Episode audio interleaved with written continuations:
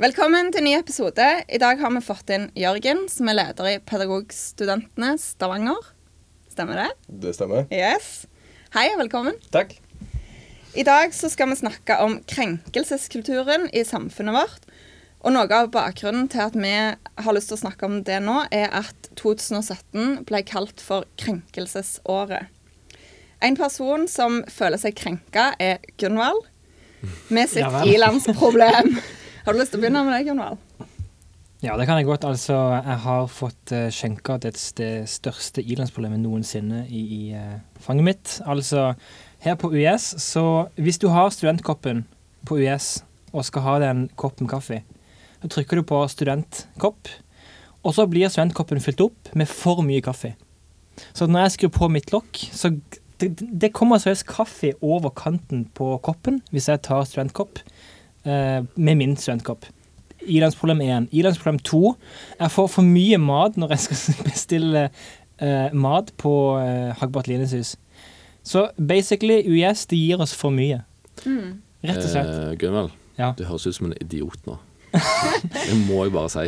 Ja, jeg er klar over det, men det er et ilandsproblem. Ja. Jeg, jeg eh, velger da heller å støtte opp om Gunvald her og, og komme, komme et eh, poeng med at nå, vi får for mye, så det er alltid noen andre som får for lite. Ja, nettopp. Oh. Wow. Ja. Ja, OK. For jeg vil gjerne spise opp den maten jeg får. Det er det som er poenget. Så hvis de hadde gitt meg litt mindre mat Men du passer på fettprosenten, er det det? Ja, absolutt. Det er nok den. Ja, den passer godt. SK18. Så du føler deg krenka, for du kommer ikke til å klare å nå SK18 siden du får for mye mat og for mye kaffe. Jeg jobber aldri med SK18. Aldri. Jeg har aldri jobba med SK18. Jeg vil egentlig mene at dette er UiS sin måte å, å holde folk litt eh, på benken. Jeg. Gir de mye mat, så klarer de ikke å løfte seg opp. Da studerer de bedre. Ja. Ja, og på den måten så får de folk til å gå på SIS. Ja, Ja, så det er en sånn sirkel her, tenker jeg. En konspirasjon. rett og slett. Dette er noe for deg, Daniel. Nå har vi endelig funnet en konspirasjon. Hjelpe meg. Dette kan vi gå dypt i. Ja, vi kan det. Men Som det er to andre personer som òg føler seg krenka. Og det er to personer som har lagt igjen kommentarer på Facebook-sida vår. Den første som føler seg krenka, er Anne Marie. Og det er for at hun mener vi la ut den siste kollokvieepisoden for seint på kvelden. Hvem er Anne Marie? Eh, hva skal jeg, jeg, hva- Det er de venninna. Jeg Ja, men nå, nå kan du svare. OK, nei, Anne Marie er Nei, hun er ei jente. Ung, ung jente som er leder for Velferdstinget. Ja. Yes, da fikk jeg den rett. Men ja, jeg fikk en snap seint på eh, Egentlig på natta eh, av eh, Anne Marie med rødsprengte øyne, som, som skrev at hun ikke likte at vi la ut de episodene så seint. Dette er da Gunvald sitt ansvar. Ja, Som produsent så skal jeg ta det til etterretning. Men poenget var jo det at hvis du skal få podkasten ut tidlig på torsdag morgen, så må du stå opp tidlig. Og det Og som Høyre-politiker kjent, så, så pleier de jo ikke å stå opp så altfor tidlig. Så, så jeg forstår godt frustrasjonen hennes. Hun, hun føler seg tross alt eh, godt inn i, i rekkene med resten av Høyre-politikerne i Ja. samfunnet. Så dette er faktisk et ilandsproblem på nytt, Ja. tenker jeg. Anne Marie pleier jo å legge seg når andre folk står opp. Uh, så uh, hun burde egentlig bare være glad. Så har Ja, hun noe å gjøre på om, nett, om nettene. Ja, tenk Ja, deg, det er helt Gunvald. Det er ikke mange mennesker som får lov å sovne til din stemme. Nei, altså hvis jeg kan være aftensang for et par eh, på jenterud, så går det greit, det. Ja, men, okay. eh, men Kine har jo òg eh, lagt inn en kommentar. Kine er en venninne av meg. Eh, og hun syns at vi lager altfor få episoder. Hun vil helst ha episode hver dag. Kine, om du tror at vi ikke har noe liv utenom å lage podkast, Kine, det er spørsmålet. studer mer. ja. Ja. Nok om det. Ja, og Hvis ikke så kan du høre på Radioresepsjonen.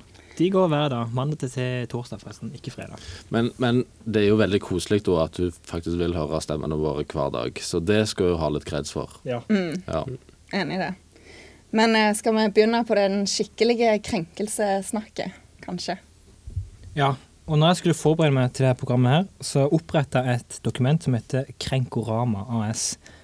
Fordi at jeg føler at 2017 det har vært året hvor folk har blitt krenka, altså så til de grader offentlig. Og det er egentlig litt sånn derfor Jørgen er her, for Jørgen er veldig aktiv på Facebook Og andre plasser. og andre plasser. Um, og nå får du endelig lov til å snakke ut her på en podkast om krenking.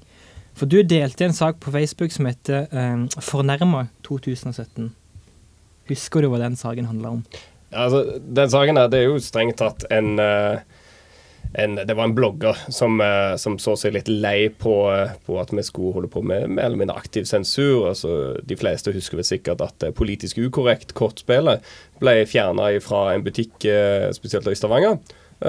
Fordi at noen følte seg krenka og ikke likte hva kortene sa. Um, da tok han her og skrev at ja, men da må alt fjernes. Uh, jeg husker ikke alle punktene hans, men jeg husker at han nevnte kortstokker må fjernes, for det kan oppfordre til gambling. du må fjerne ja, PC-spill. Ja, han sa at sånn som banning på TV det måtte bli ulovlig, og sanger med ekle tekster. Det var krenk-krenk, ifølge han da. Ja, Nå skal du si at dette var jo selvfølgelig en satire. Ja. eh, og, og, det er jo litt kjekt, da, for at denne satiren kan jo krenke de som følte seg krenka av det de følte seg krenka av. Og det er nå snøballen begynner å rulle. Krenkception, altså. Ja, så, så, en krenkelse i krenkingen av krenkningene. Uh, og, og da, da, liksom den der, Innledningsvis her så sa jo Gunvald at han følte, og føle er jo nøkkelordet. Og følelser i dette her har absolutt ingenting med, med hva som strengt tatt er objektivt å gjøre. Fordi at dette spillet Ingen tar inspirasjon til å gjøre noe av det som kommer på disse kortene. Om de gjør, så har helsevesenet gjort en slett jobb. Eh, og for så vidt òg oss som pedagoger. Men eh, det å fjerne dette spillet her er aktiv sensur. Sensur har ingenting i den norske rettsstaten å gjøre. Uh, og, og, det er egentlig bare toppen av isfjellet. For det er flere ting som òg har blitt fjerna fra markedet, men det kan jeg komme inn på litt seinere. Mm. Ja, hvis du vil definere krenking, hvis du, hvis du, hører ordet krenking, din første sånn innskytelse, hva, hva blir, blir, det? Altså, Det som ordet ble brukt nå, det er å føle seg sårt. Altså, det er å føle seg fornærma. Det er det folk legger i ordet krenking. Selvfølgelig, så hvis du går inn på uh, hva loven sier om krenking, så kroppskrenkelse f.eks., så, så er det noe helt annet. Men, men vi går nå ut ifra hva uh, menig mann i gaten sier, og da er liksom det å bli krenka det, det at følelsene mine blir såra. Mm, mm. Ja, En sånn dagliglivets definisjon blir vel kanskje at det å tvinge noen til å bli med på noe, eller la seg utsette for en handling som de ellers ikke ville blitt med på, det er krenking. Sånn som jeg forstår det i hvert fall. Det kan stemme. Uh, og i så tilfelle så, så er både meg og dama mi krenker hverandre jevnlig. Men ja, det her politisk ukorrekt, det var én av mange saker. Hvis du går inn på VG, den, den Åssen uh, data er det da? I dag er det femte. Ja, januar. så den femte januar på VG så slår du ut to saker om krenkelse. Der en av de handler om Donald Trump, som nå hevder at han har blitt æreskrenka av Stephen Bannon. Som, Steve Bannon. Steve Bannon, sorry. Fordi at han Steve Bannon, som var Donald Trumps tidligere høyre hånd, han har eh, nå kommet ut med en ny bok med en rekke avsløringer om presidenten og hans familie. Og valgkampen, sant? Ja, og valgkampen. Og Der står det f.eks. at uh, Trump han var helt sjokkert etter seieren. At Melaine Trump hun skal ha grått når han vant, og ikke da i gledestårer. det er viktig å presisere. Og så, var, og så står det videre at Trump var misfornøyd med presidentinnsettelsen. Og han skal ha krangla med Melaine Trump i forveien. Og de, mm. alle disse tingene hevder Trump er med på å ærekrenke han som person. Og han har derfor satt sin, eller, sine advokater, regner med Trump har flere, eh, og går, ja, ønsker nå, uh, nå å gå rettens vei for å ta han her Steve Bannon. Og da er spørsmålet Kan dette kalles for krenkelse? Som det kan. Det kommer jo veldig an på om det er sant eller ikke. Nå vet jo ikke mer om Elaine Trump-grein. Altså, hadde mannen eller dama mi hatt et sånt hår, så hadde sikkert jeg òg grenet litt av og til om morgenen. Men, men, nå er det ikke det det er snakk om. Denne, altså, om det kan kalles for æreskrenkelse eller ikke De, eh, nå tenker vi da på USA, eh, prisgir seg såpass høyt på at de har ytringsfrihet. Så ytringsfrihet, så er det òg retten til å lyge. Mm. Og det er litt sært å tenke på, men du har det. Eller hvis dette er en, igjen en subjektiv Altså hvis det er din følelse av at dette kan ha skjedd, fordi du så at Trump gjorde det og det, så kan du skrive deg at min, mine tanker rundt dette er det og det og det. Hvis du skal da plutselig begynne å sensurere bøkene, så, så, så, er du, så, er du, på langt vei til å komme til å bli en rettsstat som du ikke har lyst til å være. Uh, USA er kjent for å ha sensurert ting de ikke liker. NWA sin, uh, sitt album uh, Uh, fuck, uh, fuck, the Police, vet jeg. Den, hele albumet der ble sensurert. Og så kom uh, sangen deres med Freedom of Speech etterpå. Mm. Det hjelper ikke å sensurere disse tingene. For da kommer du uansett til å bare komme ut på et internasjonalt marked, så kommer du å bli solgt, og så får du folk tak i det. Ja, og den boka til bandet er vel allerede òg på det internasjonale markedet. Og den Altså Folk snakker jo om den teksten som avsløringer av Trump og av eh, måten han og hans eh, parti jobba på i valgkampen. Eh, så de Det kan man jeg si feil nå, men jeg, jeg har lest at eh, bandet bl.a. går inn på disse møtene med, med russiske journalister. Mm. Eh, og det er jo en etterforskningssak nå, så det kan jo være veldig spennende. Men det er jo bra at sånne ting kommer fram. Og så må jo folk se på hvor mye subjektivt og objektivt det egentlig er. Men altså med å, å sensurere, så skyter de seg jo sjøl i foten. For det blir jo så mye mer attraktivt å faktisk lese den boka, vil jeg tro. Mm. Eh, og få tak i den. Det er jo litt som så de der cubanske sigarene. sant? Mm. Før så var jo det Det var jo ikke lov eh, å importere til, til, USA. Det gjorde at det ble kjempeattraktivt. Og eh, Sånn, det ble jo sånn skikkelig luksusvare å liksom, ha cubanske sigarer. Uh, så det er jo Det skyter seg rett og slett sjøl i foten. Men, men, ta en liten digresjon på det. Så, så Snakk om sensur i Norge. Uh, da har du jo fra gammelt av så blasfemiparagrafen, som heldigvis ble fjerna. Uh, eh, det gjorde jo at Monty Python sin Life of Brian som er kanskje et av de beste komikerverkene som eksisterer i dag, gjennom historien, um, ble sensurert og gjort ulovlig i Norge. Eh, det var flere andre ting som òg har vært eh, filma, spesielt pga. blasfemiparagrafen, som har gjort at vi ikke fikk lov til å se de. Og det, det, det hjelper ingen, det gagner ingen. Du ser ja. verre ting. Agnar Mykle sin uh, første roman, eller en av hans sine romaner, ble også uh, Sangen om den røde rubin? Mm. Ja. Mm. Den ble også stoppa pga. blasfemiparagrafen. Og det er jo en veldig kjent bok. Mm. Litt på grunn av dette. Det blir jo en rettssak ja. hvis jeg ikke tar feil. Ja, og akkurat samme så gå tilbake igjen til politisk ukorrekt-spillet. Uh, når den saken kom ut med det, er det egentlig ikke planer om å kjøpe spillet. Litt på trass. Uh, så gikk jeg da bort til Det var vel uh, Nordli, for det var Ark bokhandel mener jeg det var, som hadde da sluttet å selge det. Så gikk jeg til Nordli, og så, så gikk jeg og kjøpte det. Julepresang fra meg til meg. Uh, tre julepresang fra meg til meg, for det. Uh, sånn ilandsproblemer. Du får det du vil. Der spurte jeg jo hun dama som sto bak disken. Uh, det var for øvrig ei dame, det var ikke bare ei kassedame, sånn, i tilfelle noen tror at jeg er sexist. Um, men så spurte jeg sånn, har dere fått solgt mye flere av de? Så sa jeg ja, ja. Nå har folk strømma inn for å kjøpe de. Mm. Og det er jo en direkte respons til denne krenkelseskulturen, og det ser en jo hele veien. Ja, og altså, folk har jo aldri snakket så mye om politisk ukorrekt som når den nyheten kom ut. Eh, og altså, det er jo en grunn for at dette er politisk ukorrekt, så det må jo folk òg ha med seg når de sensurerer dette. Mm. Ja, det er jo et spill som nettopp er basert på at du skal krenke folk, du skal finne drøye ordkombinasjoner. Altså svart humor. Mm. Så hvis folk kjøper dette spillet, så har de kjøpt seg sjøl et sånt spill. Ja. Mm. Jeg tipper at når disse ut utviklerne av dette spillet fikk høre om denne de skulle trekke, trekke spillet, så gnidde de seg i nevene og smilte godt. Mm. Økte nok salget ganske mange prosent. Mm. Gjorde nok det. Og, og den butikken som uh, fjerner det fra hyllene, tapte. Mm. Tapte, tapte. For at du har ikke bare det salget, men dette var midt i julehandelen. Mm. Tenk deg da med, med mersalget du kunne ha fått bare ved å ha hatt det der. Nå høres det ut som en gammel kapitalist, men det er jo for så vidt òg. Men, men, de, de skjøt seg sjøl skikkelig i leggen for dette. Ja, fordi vi blir litt sånn Eller samfunnet går i en retning av å være veldig sånn moralistisk hvis du tar vekk et sånt brettspill. Det er egentlig ja. Summa summarum. Og det de gjorde her, uh, kanskje, det, det ser en jo i flere av disse krenkelsessakene det er at eh, folk handler reaktivt hele veien. De, uh, noe skjer, noe blir blåst opp. Sånn, du får rett og slett sosial porno. Noen folk sier dette, og da må noen reagere. Hvis ingen reagerer, så er det noen andres følelser krenka. Mm. Så hvis uh, hun er dama her uh, Nå kjenner hun til familien, og familien er litt engasjert i politikken. Um, og, og, hvis ingen hadde reagert, så hadde det sikkert blitt mer medier. Ja, folk bryr seg ikke om andre folk. Mm. Nå skal ikke jeg si helt sikkert at dette hadde skjedd, men fordi at noen gikk ut, så måtte det komme en reaksjon. Enten skulle reaksjonen være å latterliggjøre hennes påstander, eller å fjerne spillet. Jeg sier heldigvis fjerne en butikkspillet, for da kan du òg få den debatten. Mm. Fordi at sensur gagner ingen. Nei, det, altså, det, er jo en kjempeinteressant diskusjon. Mm. Ok, Så det er en diskusjon, det her politisk ukorrekt-spillet. Og så har vi en, um, den diskusjonen som var litt tidligere i høst, med Siv Jensen. Når hun um, Den debatten raste jo etter at hun la ut et Instagram-bilde der hun var ikledd et uh, indianerkostyme. Og så da ble spørsmålet i etterkant om Siv Jensen krenka minoriteter.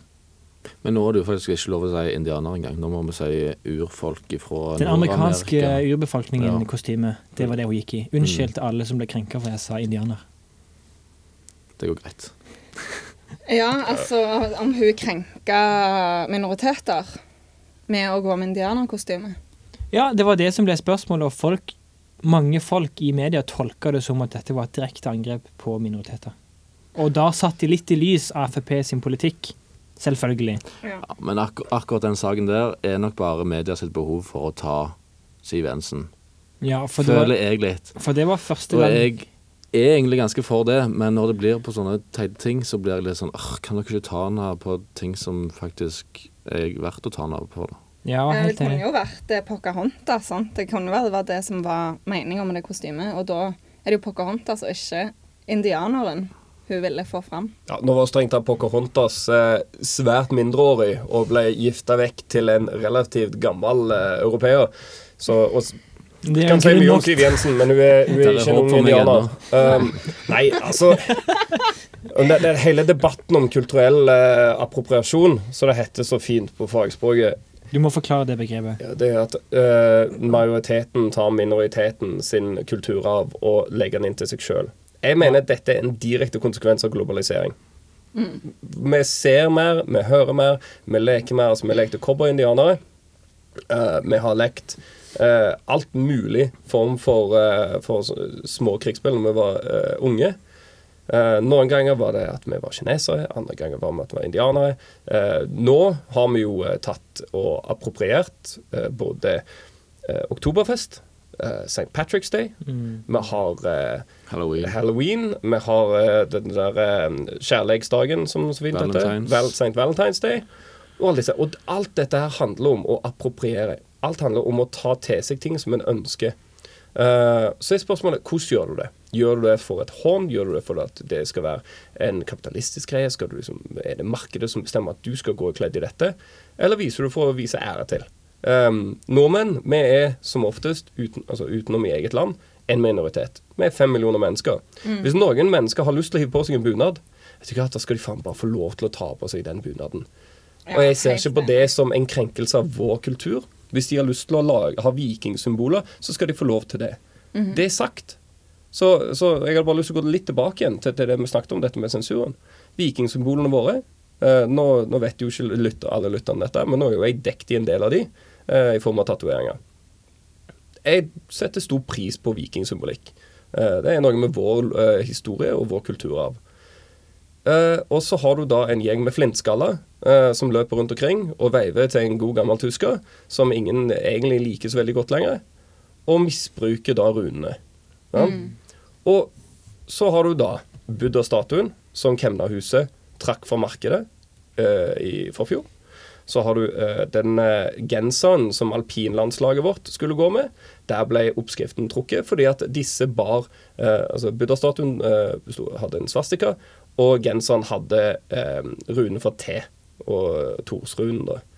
Og dette mente de at nei, det kunne kobles opp og kunne gå til inntekter eh, til denne gjengen med Ja, flintskaller er som løper rundt omkring. Mm. Og, og der igjen, en form for altså, Du tok et knefall for folk som har tatt eierskap av noe som er allmannseie. Og det provoserer meg så utrolig mye. Jeg vil gjerne si at jeg ble krenka. Uh, men men det, det trekker meg. Uh, og jeg sendte mail til alle disse og sa at jeg håper dere legger disse varene tilbake i på markedet. For vi skal ikke ta et knefall for en haug med mennesker som misbruker uh, symbolikk. Nei, Nei det, og det er jo nettopp i de tilfellene der varer blir trukket vekk fra markedet, at de, altså flintskallene i dette tilfellet, vinner, da. Sånn.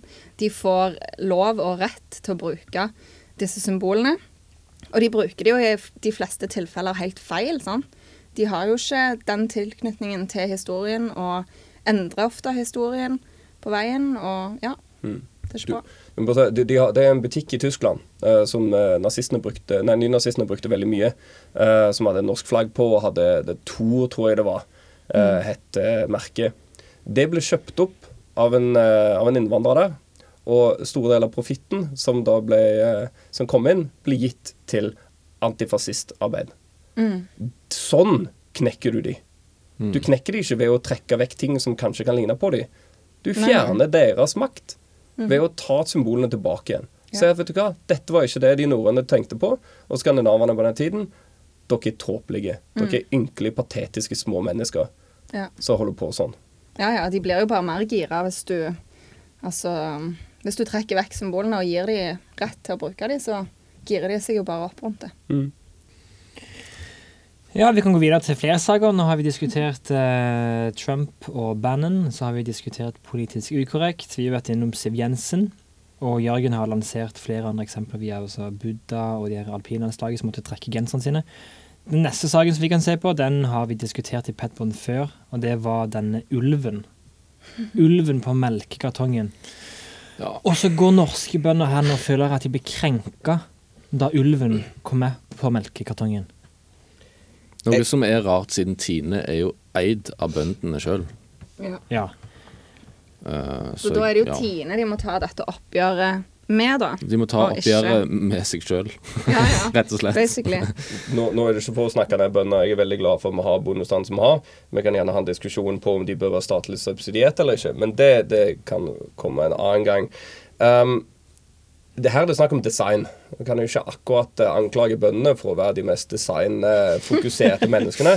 Det kan si nok stemme. Ja, jeg må si at jeg likte bedre den, eh, den versjonen hvor du hadde nettopp Siv Jensen i indianerkostyme som noen hadde klart å slenge inn der istedenfor ulven. For det hadde sikkert enda flere folk reagert på. Jeg vet ikke, Ulv er en del av naturlandskapet.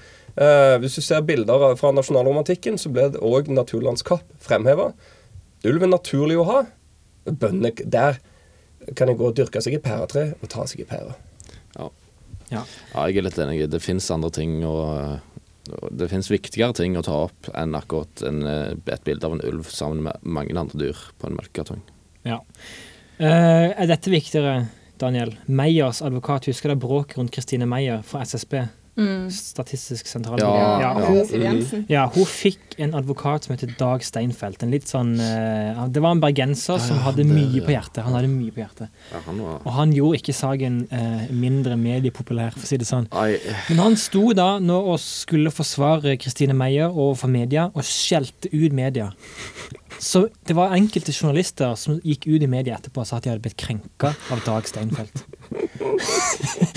Jeg syns dette er ganske parodisk. fordi at media driver jo ofte og krenker folk litt sånn på usaklig Ja, ja. grunnlag. Altså vi har den her metoo-ballen ruller og går, og nå har vi diskutert eh, Trond Giske i Pedpoden før, så folk kjenner til den saken. Og du lurer jo på om Trond Giske blir æreskrenka egentlig. For han blir dratt med i en sånn utrolig stor snøball som bare ruller og går, som heter hashtag metoo. Ja.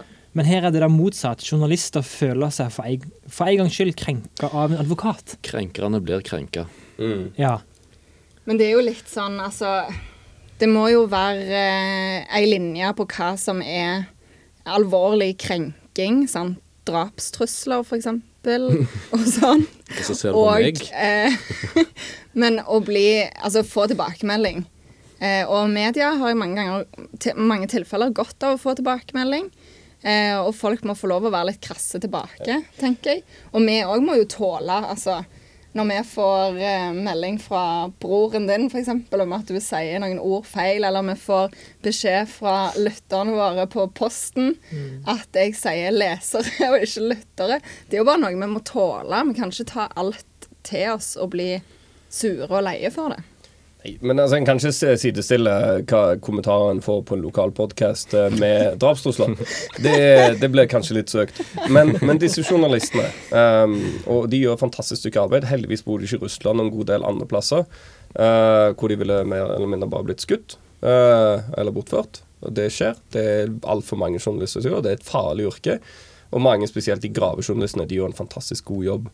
Eh, det er sagt, så slenger de òg veldig mye dritt. Når de blir tatt i å slenge dritt, så går det opp til PFU, det der eh, pressefaglige eh, Utvalg. utvalg.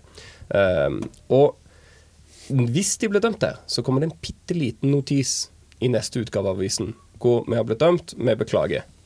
Det blir og, og, og konsekvensene av det de kanskje skrev, er rimelig store. Giske, så vidt jeg vet, har ikke gjort noe ulovlig. Han har kanskje vært usmakelig og sagt ting som han ikke burde gjort. Eh, har han krenka? Det vet jeg ikke, jeg har ikke lest eh, meldingene. Um, men at han ble avbilda på lik linje som da med han Langeland eh, fra UiS, at de ble avbilda og at det kommer med fullt navn, før prosessen er ferdig, da er du allerede dømt. Ja. Ja, ja. Eh, og det er utrolig farlig. ja. Mm. Og det er jo eh, et problem med metoo. Altså, nå føler jeg jeg må forsvare meg igjen. Vi, vi syns at metoo er bra. Vi syns det er bra at ting kommer fram. Men det er et problem at eh, den hashtaggen og det, det som metoo tar med seg, dømmer folk før Altså, de, de er ikke uskyldige fram til det motsatte er bevist. De er skyldige fram til det motsatte er bevist. Og det er et problem i, i vårt samfunn, da, for det skal jo ikke være sånn. Ja, da snur du opp ned på det her maktforholdet mellom hvilke rettigheter har du når du blir anklaget for ting, og hvilke rettigheter har du som anklager. Og her er det helt tydelig at de som har anklagt Trond Giske, har større makt per definisjon fordi det finnes en sånn kampanje som ruller og går, enn det Trond Giske har. Og jeg forsvarer veldig sjeldent Trond Giske, men eh, jeg syns media har vært veldig etter Trond Giske. Og helt fra starten så skjønte jeg, eller jeg husker pappa sa det, at eh, Trond Giske er ferdig helt til media får Trond Giske til å være ferdig. Ja. Så denne ballen kommer til å rulle og gå helt til Trond Giske må gå av. Og media har jo vært oppi dette før, med Tore Tønne-saken f.eks. Det er jo bare ikke bra. Et så sterkt medietrykk som fikk Jan Tore Tønne til å ta livet sitt. Ja, stemmer det. Han fra Arbeiderpartiet. Avisene måtte gå ut etterpå og si beklager. Dette var eh, Ja. Ja, det var, ja, stemmer det. Han var vel eh, Hva var det han var? Finansminister eller noe sånt? Ja, det husker jeg ikke. Ja, i regjeringa til Stoltenberg 1, tror jeg. Ja. Men det er jo litt spesielt at eh, sånn som når det er Giske, så er det full fyr og flamme med en gang denne nyheten kom ut. Mens med han vi nevnte i stad, Langeland, så var det jo mange medier som ikke ville nevne navn. Sant? Og hva er på en måte forskjellen? Altså, det, jo, det er jo sikkert ansettelsesforholdet som er forskjellen, men han er vel ansatt eh, Ja, han er folkevalgt. Ja. Han er og- valgt av folket, Ja, han er valgt av folket eh, på de premissene som vi kjente til. Og, og gudene vet Vi vil jo ha folkelige mennesker. Og eh, nå skal vi ikke akkurat si at det å være krenkende er folkelig, men du kommer aldri til å kunne klare å få en plettfri politiker. Hvis vi klarer å få det, som har klart å komme seg opp og kave seg forbi alle de hindrene ifra den gang de var i ungdomspolitikken, opp til å bli eh, ledende på et storting, da, da er det mer en guddommelig figur enn det det er en politiker. Du har tråkka folk på tærne. Og, Ja, og det eneste som skjer nå, det er at folk kommer til å slutte å sende meldinger uh, som har den naturen. Uh, du kommer til å uh, være ihjel forsiktig med hva du sier. Og ved ytterste konsekvens så kommer du til å få det sånn som i Sverige, hvor du er nødt til å si eh, Er det greit at vi har sex nå? Kan jeg få lov til å gjøre det? Kan jeg få lov til å gjøre det? Kan jeg få lov til å gjøre det? Kan jeg få lov til å gjøre det? Så du må ha en konstant bekreftelse. Og det bør du egentlig få i en skrivende kontrakt eller tatt opp på bånd. Ja, men det er jo et samfunn vi skal være redd for, da, tenker jeg. Du kan jo ikke Altså, hvis du går ut på byen en kveld, og du treffer ei jente, eller doktor treffer ei jente, eh, så kan du ikke samtykke alle skritt på veien, sant? Hei, har jeg lov å snakke med deg? Hei, kan jeg gi deg en klem? Hei, kan jeg gi deg et kyss? Sant? Det blir jo helt ekstremt. Ja. Jeg, har- jeg, jeg, jeg har prøvd dette, det funker, det funker veldig dårlig. Du har prøvd dette. Han kom seg ikke lenger enn 'Hei, kan jeg kjøpe en øl til deg?' Nei, det gjør jeg aldri. Jeg er så kjip at det gjør jeg aldri. Kjøpe de egen øl. Drittdamer. Nei da, bare tuller. Nei da. Men, men uh, poenget med at uh, den, den loven der, den holdt på Den ønska Høyre å få inn før. Um, det begynner å bli en del år siden, og heldigvis har folk lov til å ombestemme seg. Men det var ikke Du skal ikke se langt ifra at det plutselig kom inn i respons til metoo-kampanjen. Nå er allerede likestillingsloven er jo skeiv der. Der står det at de skal ha et spesielt eh, for, for, for kvinner. Um, så allerede likestillingsloven går kvinner sin vei. Og hvis du får den eh, loven der, så er det ikke sikkert at kvinner må spørre om menn. Eh, altså spør, at de spør menn om det går greit at de har seg. Så, så du kommer til et sånt punkt hvor, hvor vi bare rett og slett ikke har et fritt samfunn lenger. Nei. Men har du opplevd det med at at eh, kvinner har mer rettigheter enn menn i enkelte Eller følelsen av det i enkelte tilfeller. Ja, nå har jeg en datter som er åtte år gammel, som uh, jeg ikke har sett på seks år.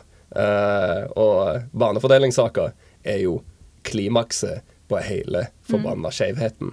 Eh, og, og alle andre skjevheter kan ikke måle seg med den. Nei. Uh, Nei. og, og, og kvinner har mer rettigheter enn menn Mm. i dagens samfunn. Ja. De, de har det, uh, i bunn og grunn uh, over hele linja. De har, er ikke like høyt representert i visse stillinger. Nei. Er det et likestillingsproblem? Kanskje. De er høyere representert i høyere utdanning. Vi ser at gutter sliter mer på skolen. Her har vi nå fire pedagoger som står. Vi vet at gutter ligger kognitivt sett ett til to år bak alle jenter i samme, samme aldersgruppe. Men det blir de ikke tatt eh, opp. Nei. Når menn blir krenka, så har de ingenting. Eh, når menn eh, blir voldtatt, så har de ikke voldtektsmottak. Så du har kanskje ett i Bergen, hvis jeg ikke tar feil. Mm. når det kommer til politiet og sier det, så er det man up. Det blir henlagt. Når kvinner kommer, så blir de backup. Og jeg sier ikke at kvinner ikke skal bli. Men jeg sier at det er på høy tid at menn òg blir tatt alvorlig. Jeg har vært dørvakt i 13 år. Gudene vet jeg har blitt krenka nok på jobben. Men hvis jeg går til politiet og sier at hun tafsa på meg, så ja, de har viktigere ting å fokusere på. Til slutt så gidder vi ikke. Mm. Men føler du at det, det skjer i mange tilfeller at eh, mannlige dørvakter blir behandla dårlig av damer på byen? Det er jo ikke bare damer og menn òg. Ja. Uh, men ikke behandla dårlig. Altså, de gjør det jo fordi det er lott og løye. Altså, de de syns det bare er sånn at tafse han på rumpa, smekke han når han går forbi. Vi gidder som oftest ikke reagere. Uh, fordi at vi har viktigere ting å ta oss av enn å stå og krangle med noen som er fulle om at de burde kjenne grensene sine. Jeg, det, det er sagt, så forstår jeg veldig godt når kvinnelige dørvakter og kvinnelige, altså damene i utelivsbransjen De fleste menn som jobber ute, har en helt annen fysisk styrke, og vi føler oss ikke krenka på samme måte. Det er en stor forskjell mellom menn og kvinner der. Um, men det gjør det jo ikke greit. En har jo sett masse av disse sosiale eksperimentene hvor en dame står og slår en mann, ingen gjør en dritt. Men så snur de rollene. Mannen står og krangler med ei dame, og da kommer mange folk bort og hjelper. Ja. Uh, Så, så det er noe med, med det perspektivet folk har på hva som er greit å gjøre. Og der har menn et mye, mye altså det er kortere slingringspunkt Ja. til, til når folk stepper inn, enn hva en dame har. ja. Ja, vi, har, vi hadde jo et eksempel for noen år siden med, med en mann som ble drept. da. Mest sannsynlig av kona si. Jeg husker ikke hvordan den rettssaken hva utfallet ble, men eh, det var iallfall sterke indisier på at eh, det var kona som drepte han. Og han, en mann, eh, tok med ungene sine flere ganger på sånn volds, eh, familievoldsmottak og sånne ting. Eh, men det endte jo altså med at eh, han eh, ble funnet brent i bilen sin. Mm. og det er jo Hvorfor, hvorfor tok de ikke skikkelig affære? Hadde rollene vært snudd, så hadde det kanskje blitt tatt opp Tatt opp mer, da. Kanskje det hadde stoppa før noen døde. Ja, eller ungene hadde vel gjerne blitt tatt eh, vekk. For det er jo sånn i altså, Skal jo ikke gå sånn veldig inn på det, men i sånn familievoldssaker så er det jo ganske vanlig at, eh, at den som blir uh, utsatt for vold, allikevel velger å gå tilbake igjen. Eh, Men men det skal jo også sies, altså overgrep mot barn, der er kvinner overrepresentert som den overgriperen. Uh, og i disse uh, med, med barnehagelærerne, der er det en del menn som jeg har snakket med, i, i det leder at jeg er leder for loka- laget til pedagogstudentene, de er nervøse for å være alene med barn, for å få det stigmaet på seg. Tenk om at hvis noen sprer det ryktet. Du kommer deg ikke vekk fra det ryktet. Og, der, og, og statistikken viser klart at det er kvinner som øh, er, har, har mer av de Altså menn har mer av de grove overgrepene, det skal sies. Men av de Nå ble det feil å kalle det generelle overgrep, men la oss bare kalle det det for diskusjonens del. Så, så jeg, øh, er det større sjanse for at en dame i et låst rom med et barn i en barnehage gjør det. Men heldigvis da, så utdanner vi disse, og så har vi sikkerhetsventilene, og så blir det nye eh, pålegg lagt. Men der var det jo plasser at menn fikk ikke lov til å skifte bleier på, eh, på barnehagebarna.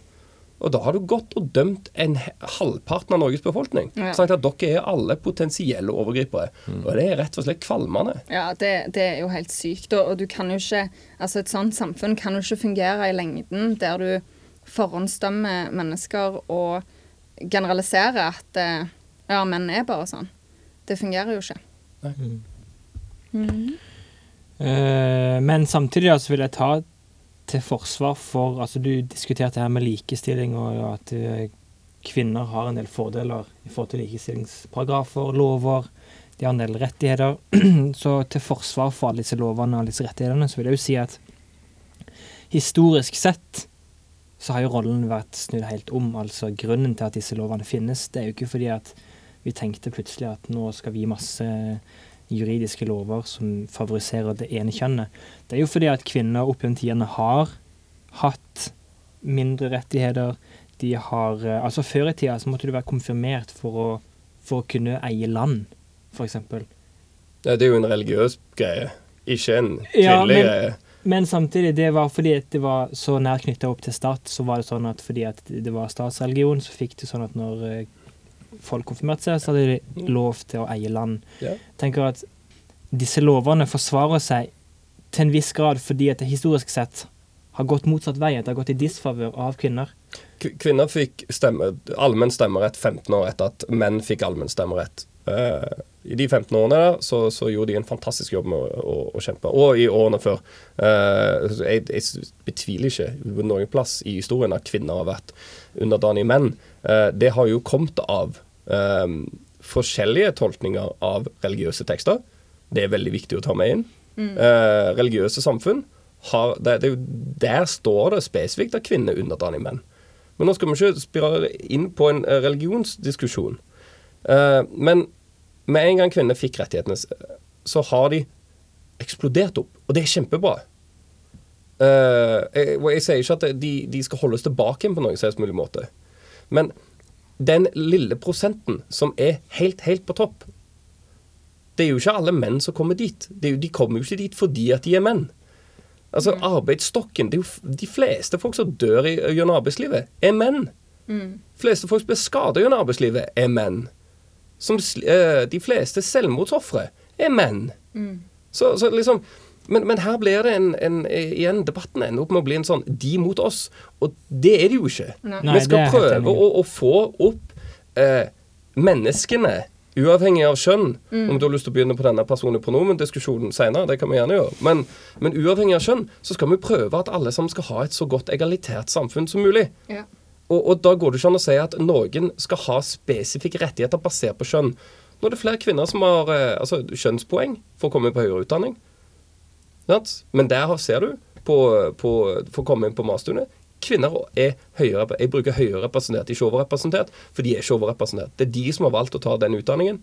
Og når du velger å ta en utdanning, så tar du også konsekvensene av det valgte linje du tok. Mor mi, søster mi, sykepleiere, de kjemper hele veien for høyere lønn. Barnehagelærerne tjener 20 000 kroner mer enn barnehageassistentene. Og barnehageassistentene har ikke et kurs engang for å få lov til å jobbe. 20 000 kroner får du i lønnstillegg for å ta deg en bachelor. Hvor du har et eh, lån som er helt sinnssykt. Og de fleste folka som jobber som barnehagelærere, er kvinner. Det er et hån. Men de skal ha høyere lønn. Pga. at jobben de gjør, er utrolig viktig. Ikke fordi at eh, de som har tatt bachelor i ingeniør, tjener mye mer. Nei, nei. Det er to helt uavhengige påstander. De skal tjene mer penger. Jeg mener de skal tjene mer penger enn ingeniørene, for jeg syns jobben de gjør, er viktigere. Sant? Jeg mener at de som, de som har tatt en bachelorgrad i juss, skal tjene mindre enn barnehagelærere og lærere. Men det er jo min påstand. Men det går jo ikke fordi at andre tjener mer. Det går fordi at jobben deres er viktig, og det er jo der de er nødt til å ta den diskusjonen. Ikke Ja. begynne å nege om at alle andre tjener så utrolig mye mer. Men Eh. samtidig så syns jeg det er ganske greit eh, at eh, At en ikke velger å bli f.eks. sykepleier da, eh, fordi at det er penger i det. At det ikke er det som er, liksom, er hovedmotivasjonen for å bli sykepleier. Ja, du, Og du blir heller ikke lærer for eksempel fordi du tjener så godt. Nei, sant. Og det syns jeg er litt bra, for da får vi kanskje lukt vekk sånne her eh, eventuelt dårlige Ja, sykepleiere eller lærere. sant? Som vi kanskje hadde fått hvis det var veldig godt betalt. Men vi er inne på en ganske stor diskusjon som går på likestilling, det går på feminisme, det går på krenking. Men hvis vi går tilbake igjen til nettopp krenking, hvorfor, hvorfor tror du sånn, vi har snakket om en del konkrete saker, hvorfor opplever folk, og det opplever oftere nå enn før, at de blir krenka? Nei, nå, nå skal jeg dra inn et fint lite sitat fra gamle sjefen min i Doorman. Uh, og, eh, jeg tror Jeg tror rett og slett verden har godt av en ny krig. For å flytte på prioriteringene og for å forstå hva som er viktig igjen. Og det er satt på spissen. Det er satt veldig på spissen. Selvfølgelig Ja. ønsker jeg ikke en ny krig eh, noen plass. Men det er noe med å, å stå og krangle og få folk sparka fordi at de nekter å bruke riktig, eller det de anser som riktig pronomen, når språkdifferanser ble satt ned i lov, sånn som eh, forslaget C16 i Canada. Og det lovforslaget går ut på at At uh, du eh, Det er hatkriminalitet, med eller mindre. Ikke helt direkte, men mener det er hatkriminalitet å ikke eh, bruke det pronomenet, personlige pronomenet som personen du snakker til, ønsker. Så hvis de har lyst til å ha Zen, sin attack helicopter eller Snowflake, så, så skal de få lov til det. Uh, og der mener jo jeg, da, som har studert språk, at det er helt feil vei å gå. Jeg skal gjerne sånn at det hen blir grammatisk korrekt, at du får lov til å bruke det hvis, i grammatikk hvis du ikke vet hvem du henviser deg til. Helt greit. For da har du funnet en sånn en nøytral måte å si han og hun på. Men det er jo fordi at du ikke vet hva skjønn du skriver til. Eh, Ja, ja. Men, men du begynner å gå litt for langt, uh, syns jeg, og en god del andre, når du begynner å, å skal definere deg av lov. Hvis språket ditt utvikler seg der dit hen naturlig, da har ikke noe problem. Men det må få lov til å gå sånn som uh, språkutviklingen alltid har gått. Og det er gjennom uh, at folk finner nye trender. Ja. Og da nytter det ikke å si at du, hvis du ikke gjør dette, så bryter du lov, og du blir straffa, og du får en heftig bot. Ja. Og så må du ha, du må ha lov å tråkke i salaten sant? i disse tider der vi snakker om å endre pronomener og sånn. Eh, sant? Du, for altså Det er jo mange i dette samfunnet som ikke på en måte har levd med, med denne problematikken så veldig lenge. Og da må du få lov å trå i salaten og si 'han', og så var det kanskje 'hun'. sant? At den personen definerer seg som ei jente, og så, så ser det ut som en, en gutt. Og det kan skje, men da må jo selvfølgelig den personen som da trør i salaten, må være bevisst og heller tørre å si 'å, beklager'. Det, Ja, helt enig. Sant? For det, det kan skje, og jeg opplevde det når jeg var vikar en gang. Så opplevde jeg å gjentatte ganger si 'han der'. Og så var det noen som kom bort til meg, og så sa de 'nei, det er hun'. Og da kjente jeg jo veldig på det, at fikk skikkelig vondt i magen og tenkte dette, nå, nå har jeg trødd så sykt i salaten. Men så så jeg at dette var en person jeg kunne gå bort og snakke til om det. Og da gjorde jeg bare det, og da var det ingen problem. sant? Ta, ta en liten analogi. Um, du kommer bort til en person, uh, og du har noe mat med som er proppfull av sukker. Uh, du vet ikke at dette er en diabetiker. De tar maten og spiser det. De går i sjokk. Ja. Og så får du kjeft. Dette burde du vite. Nei. Nei. Det her kommer litt sånn på hvem som har informasjonsplikt eller ikke. Så hvis, hvis en av foreleserne våre står der og så henviser til noen i, i rommet, så er det jeg vil si helt naturlig å henvise seg til det biologiske skjønnet du syns den personen ser ut til å ha. Så hvis du som dame sitter der, og du er ganske kraftig og du har kort hår, så er du fremdeles dame. Du ser at det er en dame, og du kommer til å henvise til uh, hun som er hun. Og en mann som en mann. Altså han. Og så hvis de syns at det er så fælt, så bare si det til foreleseren. Du, unnskyld, men kunne du gidde å Hvis foreleseren da begynner å gå opp i trynet på deg, Ja. og gjør et poeng ut av å kalle deg noe annet, greit. Ja. Da skal du heller få lov til å føle deg mobba og krenka. Ja. For at da har du faktisk gjort noe for å endre problemet. Men å gå rett i angrep til en person som ikke har noe peiling, nei. Nei. Det syns jeg faktisk Jeg syns lite om det, og jeg syns det er lite konstruktivt. For det fører ikke til dialog. Det, da går begge to på sine skanser ned, og så blir det en skyttergravskrig. ja. Helt enig. Men sånne, ja, sånne problem som dette, eller utfordringer som dette, kommer gjerne at vi lever i et samfunn som er blitt veldig sånn individsentrert. Altså, folk får lov til å definere seg sjøl sånn som de måtte ønske i 2018. Og da får du også en sånn problematikk at på utsida så ser du ut som en gutt, men du vil gjerne bli um, kalt eller eh, omtalt som ei jente. Og da står individets rettigheter så høyt at hvis du kaller meg for noe annet enn det ikke jeg ønsker å bli kalt for, så har du krenka meg. Ja, men altså, jeg, jeg tror hovedproblemet er at vi har hatt det for godt for lenge. Det er ikke bra å ha det for godt for lenge, tror jeg. For da mister vi helt fokus på hva som er viktig. Mm. Da, da begynner vi å bli krenka av sånne småting. Det er jo litt som eh, Jørgen her sier, at vi har hatt en krig. Så hadde vi, vi hadde jo ikke blitt krenka av sånne idiotiske ting da. Da hadde det vært noe helt annet som sto i fokus, noe viktigere. Eh, så altså nei takk til krig, men eh, folk bør kanskje Folk bør kanskje reise litt ut i verden da, og få litt perspektiv på ting før de begynner å krenke seg i hjel her hjemme. Altså, vi, vi har fremdeles et fattigdomsproblem i Norge, til tross for at vi er utrolig rikt. Vi har fremdeles eh, et hav av folk som ikke klarer å komme seg gjennom skolegang. Vi har eh, depresjoner som tar helt av. Vi har eh, problemer med, med megareksi og anoreksi. Altså, dette er reelle problemer som vi ser elevene våre spesielt gå gjennom hele veien. Og jeg vil heller ha fokus der enn å stå og krangle om hva jeg skal kalle dem til fornavn og etternavn. Nei, ikke fornavn og etternavn, men pronomen deres. Altså, det er viktigere for meg. Å krangle om, om de har ei hue på seg i klassen, er for meg totalt og helt trivielt. Det er ikke der en skal sette trykket. Nei. En skal gå inn, og en skal forhindre mobbing. En skal forhindre at eh, sånn, Nå så har elevene mine sett gjennom en, eh, en mobb, eh, mobbevideo hvor den ene personen endte opp med å flytte, orka ikke være oppe, han var fra Karasjok.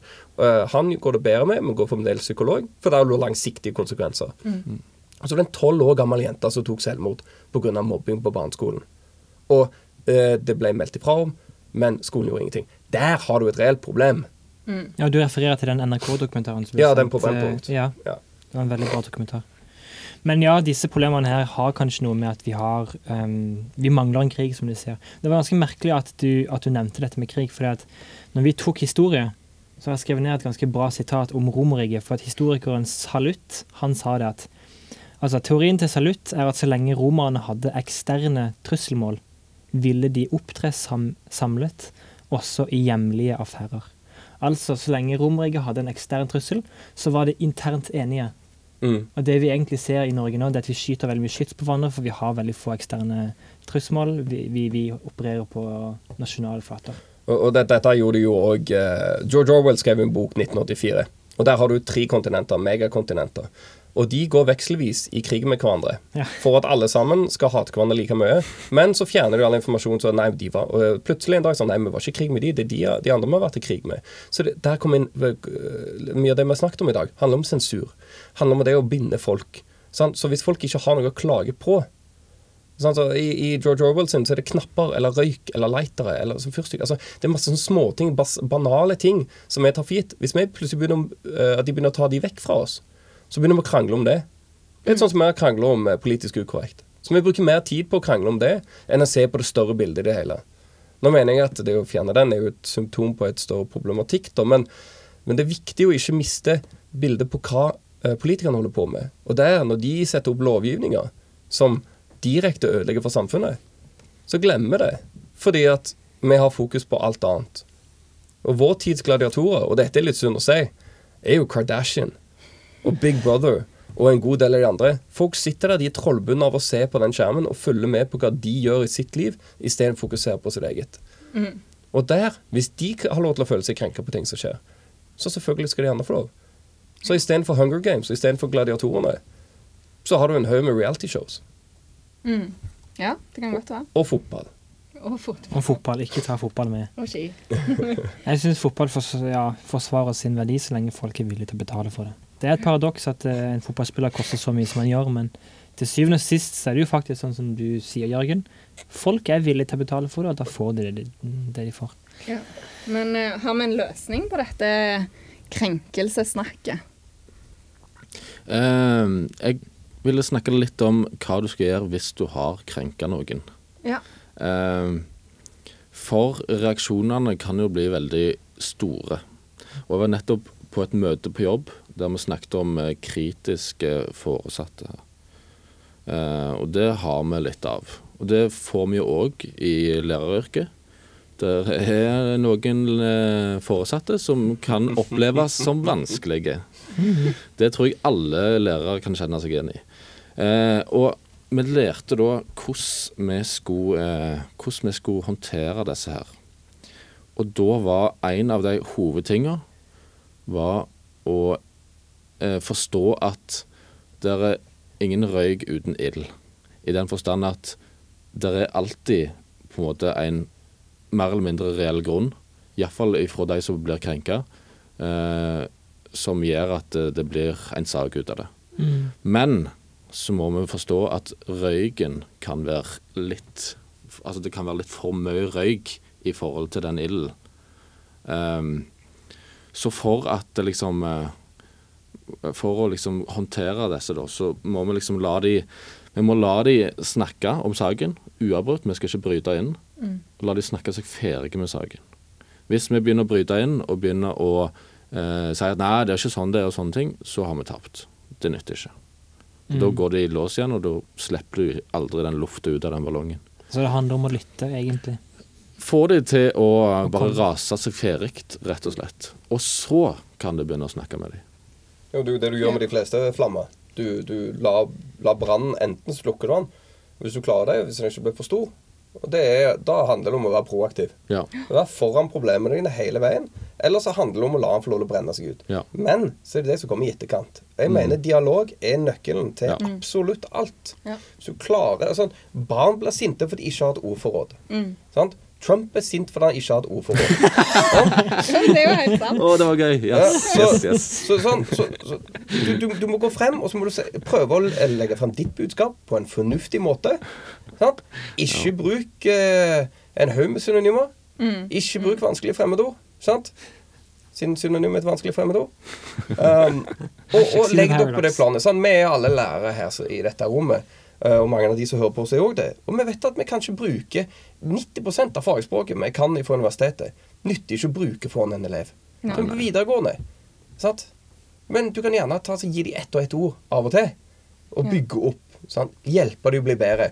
Sant? Denne zone of proximal development. Alltid få dem til å gå litt videre fra der de var. Og hvis du klarer å gjøre det, hvis du klarer å få Antifa og alt-right-bevegelsen borte i USA, som er to veldig motpoler, og sette seg ned og gjerne komme frem til hvorfor de hater hverandre, og gjerne ha en liten dialog. Altså, Se på American History X som inspirasjon. Gjerne ikke scenen hvor han dreper han, men når han finner en afroamerikaner i fengsel, hvor han, de blir venner, og de forstår at ok, det er ikke så store forskjeller egentlig, og vi trenger ikke være drit. Men dette går ned til ekkokammeret. Du må bryte de ekkokamrene. Du må få andre påvirkninger og innflytelser inn i disse lukka miljøene. Og så får de til å forstå at det går an å være noe annet enn det lederen min sier. Klarer du det, så vil du kunne klare å utvikle. Og utviklingen Med en gang, eh, med en gang stagnasjonen har kommet, eh, så, så, så brytes den helt opp. Du er nødt til å holde på med nye tanker, nye ideer, diskutere de, komme frem til løsninger, kaste vekk gammelt, gjerne av og til ta inn gammelt, eh, og, og komme frem til en eller annen form for kompromiss. Ja, og Psykologisk forskning viser nettopp dette, at hvis du setter deg ned i dialog, så såkalt kontaktteori, når folk kommer i kontakt med hverandre, så får disse to gruppene som møtes, færre for, uh, fordommer om hverandre. Mm. Så Men dette ta, er bevist. ta et kjempegodt eksempel. Nelson Mandela, når han tok over makten, eh, så gjorde han et veldig veldig klokt valg. Nå lagde de dette om til en film òg. Um, I frykt for at noen av dere ikke har sett den. Dere bør se den. Handler litt om rugby. Mye bedre enn fotball. Uh, men der uh, tar et, eh, et unisont idrettsforbund der, eh, fra regjering, de fjerner det gamle flagget, apartheid-flagget, selve symbolet og fargene fra apartheid-regimet. De fjerner det og tenker at yes, nå skal dette vise eh, en, en, en fantastisk nasjonalfølelse. Litt sånn som vi gjorde når vi kastet ut eh, tyskerne etter andre verdenskrig. Nels Mandela kjørte bort og sa at dette kan dere ikke gjøre, for da blir det de og oss. Og det, da er det nytt apartheid. Da er det at de hvite, som allerede er redde for hva vi kommer til å gjøre, eh, for nå kjenner det. Så da sa han for å vise at vi er ett, så må vi ha en aksept for historien vår. Og det er der det kommer inn. Ved, ved å gjøre som han, sette seg ned. Livvaktene, halvparten av de hata svarte før.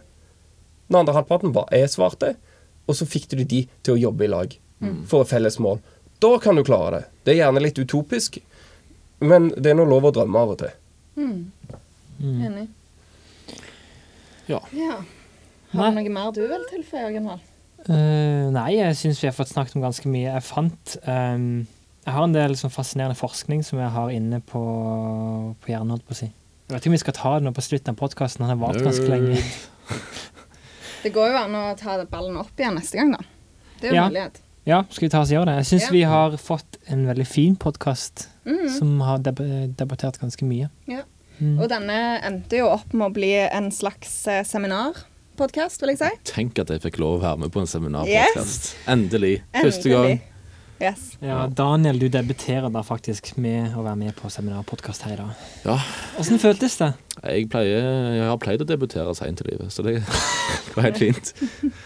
Men Eh, eh, en god De som venter lenge, venter ikke forgjeves. Nei, det, er- det er noen som venter forgjeves, men eh, vi, vi trenger ikke si det til dem. Men eh, tusen takk, Jørgen, for at du ville komme Ja, og snakke med oss. Yes. Så da tror jeg bare vi runder av. Kan vi, kan vi runde av med en vits ifra? Eh, oh, oh, nei, Ja, Eh, jeg har ikke noe. Jo, eh, jeg må ta den på hedmarks. Okay. Marskt. Eh, Eplet ble sur, og så banna han. Åh. Det er verre, det er verre enn mine, men heldigvis er det veldig vel lærer. til lærerne. Han, han skal bli lærer. Han skal bli lærer. Du er tilgitt. Men du finner oss på iTunes, Soundcloud og Podbean. Faktisk. En ny app for oss, eller for meg iallfall. Følg oss på Facebook og Instagram. Der heter vi Pedpodden. Kom gjerne med innspill og tilbakemeldinger. Og takk for oss. Og enn så lenge, Ha det gøy. ha det gøy! Ha det gøy. Ha det gøy. Der, ja.